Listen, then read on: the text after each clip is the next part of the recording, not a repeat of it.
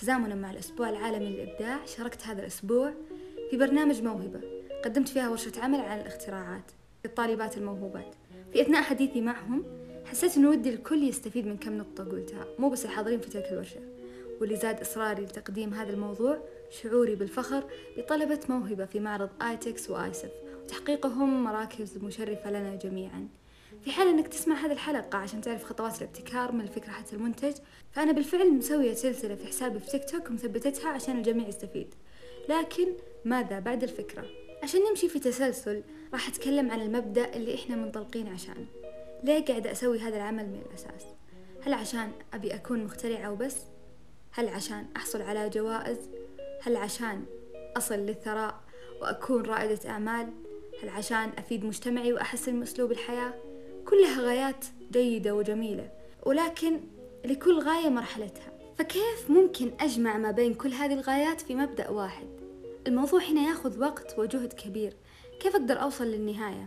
وكيف ممكن أحافظ على حماستي إلى اللحظة اللي ألمس فيها منتج بين يديني؟ من خلال تجربتي بالسبع سنوات الماضية اللي كانت مليئة بالاختراعات مررت بكثير من التخبطات ولعلي جمعت منها دروس. أول ما فهمتها تسهلت لي الحياة.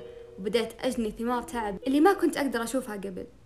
خلونا نمسك في البداية غاية إني أبي أكون مخترعة وأحصل على جوائز. الإنسان بطبيعته يحتاج للتقدير فإذا كانت هذه غايتك لا تخجل منها لأنه فعلا شيء جميل إننا نسوي شيء ونلقب باسم مخترع ونحصل على جوائز من خلاله.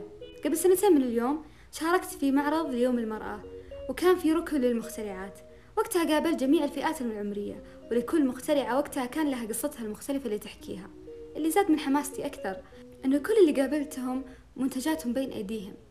ما أنكر أنه هذه الرحلة غيرت من تفكيري بشكل جذري لأني ما قبل الرحلة صحيح أني كنت بانتظار مستثمر لكن كنت في مرحلة البحث عن جوائز أيضا.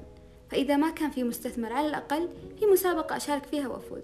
وقتها كانوا يتناقشون البنات وين المستثمرين المفروض يكونون في المعرض لأني بالفعل حصلت على التقدير اللي أحتاجه حاليا. وإني أبي أنتقل للمرحلة اللي بعدها. وقتها تفلترت لي أفكاري عن اختراعاتي. وإيش ممكن أقدم للمستثمر؟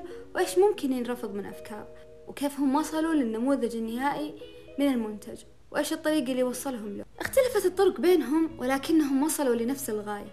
واحدة منهم نفذت اختراعها بنفسها وبفلوسها الخاصة في ألمانيا.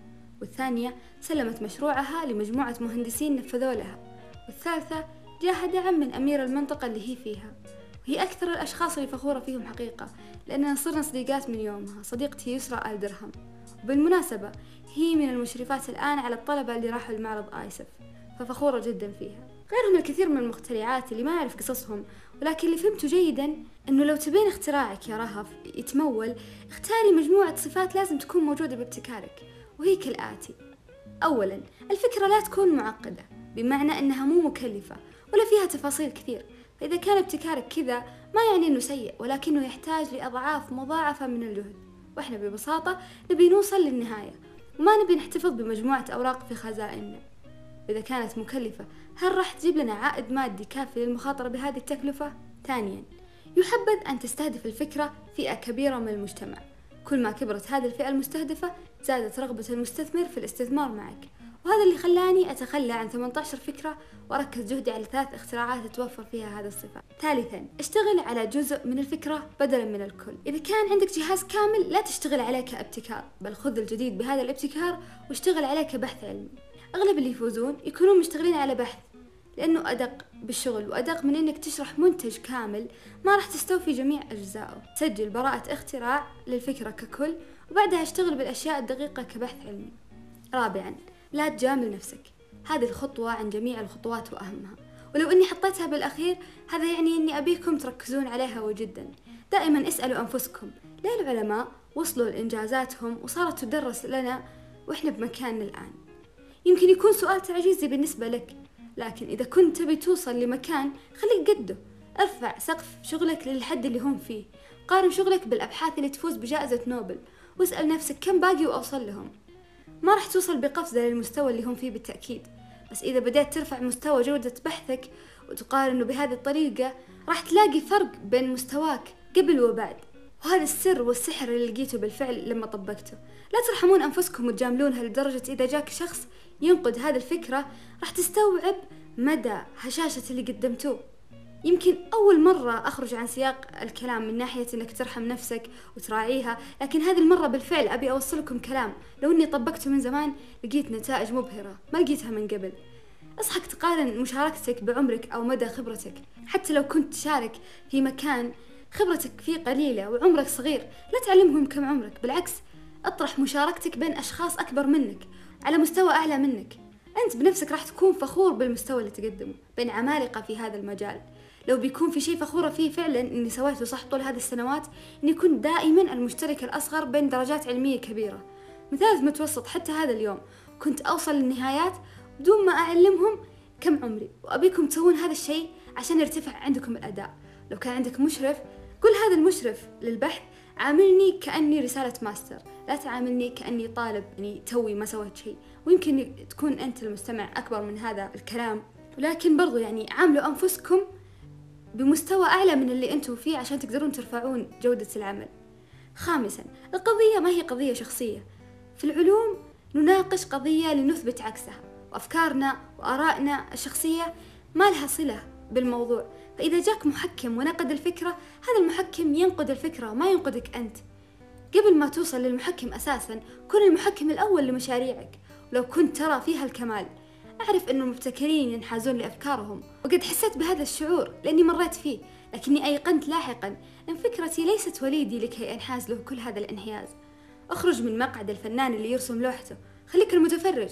وقتها بتشوف أشياء أنت ما كنت منتبه لغلطها أساسا. انقد الفكرة عارضها إلى أن تنتهي كل الانتقادات والمعارضات.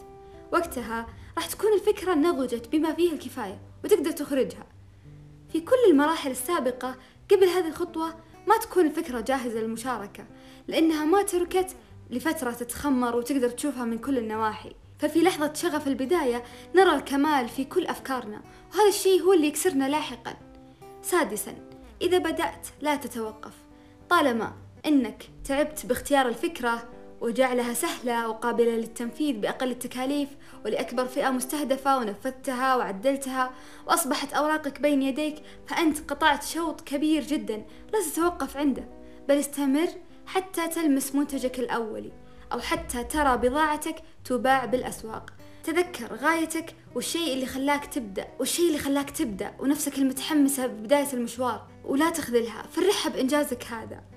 إذا كنت اشتغلت على فكرتك كبحث علمي بالفعل انشر البحث حتى يستفيد الجميع من العلم اللي وصلت إليه. هذه النصائح تمنيت لو أنه أحد قال لي إياها من قبل لكني أدركتها مع الوقت.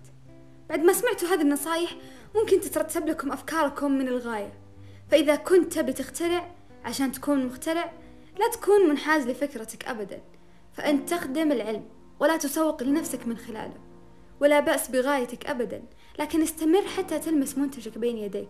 لو كنت تخترع عشان تصل للثراء لا تنسى رضا المستثمر عن جميع المقومات للاستثمار. كن صادق مع نفسك أيضا واسأل نفسك لو كنت تمتلك المال الكافي لتمويل اختراعك هل ستضع مالك فيه؟ هذا السؤال خلاني أرجح الأفكار اللي أحط فلوسي فيها ببراءة, ببراءات الاختراع. فما بالك بمبلغ كبير للتمويل؟ لو كنت تخترع لتحسين المجتمع لا تتطلب كل الشروط اللي ذكرتها لكن غالبا راح تحتاج لتمويلها من جيبك الشخصي وتكون مؤسسة غير ربحية. ولا بأس بتحسين المجتمع وكسب المال واللقب في نفس الوقت لأنك في مرحلة من المراحل تخسر طاقتك وتكون محتاج بالفعل للمال اللي يحفزك للاستمرار. يمكن يكون كلامي ما يعجب الكل وبيزعله لكني قررت أتكلم من قلبي وأظهر لكم حقائق ممكن يجهلها أي شخص بداية هذا المجال. أكرر لكم فخري لكل من يحاول ولم يرى نور محاولاته حتى اليوم. وأدعو الله أن يوفقنا ويرينا ثمار جهودنا المنتظرة. فخورة لكل شخص حاول ورأى ثماره أو لم يرها بعد. فخورة بشرف المحاولة هذا. في حال كنت تحتاج للمساعدة أتشرف بمساعدتكم على وسائل التواصل الاجتماعي. دورتي موجودة في الحساب بشكل مجاني. وأتمنى من كل قلبي أنكم تستفيدون من خبرتي البسيطة خلال السبع سنوات الماضية. واللي كسبت من خلالها العديد من الجوائز. على مستوى محلي ودولي وعملت من خلالها في بحوث علمية أثبت فيها نظريات ابتكاراتي. واللي ما شفت هذا كله إلا بعد تعديلي لسلوكي من خلال النصائح اللي طرحتها لكم. أراكم في الأسبوع المقبل بإذن الله في حلقة جديدة من بودكاست قلم ملهم.